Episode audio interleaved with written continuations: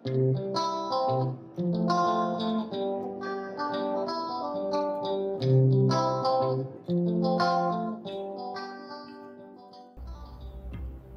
teman-teman, kali ini kita akan belajar energi dan daya listrik yang terdiri dari energi listrik dan daya listrik.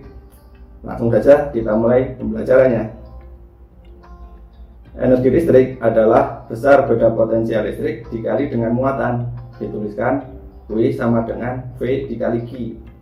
Karena Q adalah I kali T dan V adalah I dikali R, maka besar energi listrik dapat juga kita tuliskan W sama dengan I dikali R dikali I dikali T atau W sama dengan I kuadrat dikali R kali T dengan I adalah arus listrik R adalah hambatan dan T adalah waktu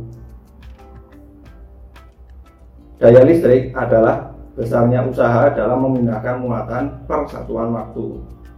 Kita tuliskan P sama dengan W per T atau P sama dengan I kuadrat dikali R. Dengan I adalah arus listrik dan R adalah hambatan. Nah fisika asik kan sampai jumpa di pembelajaran selanjutnya ya teman-teman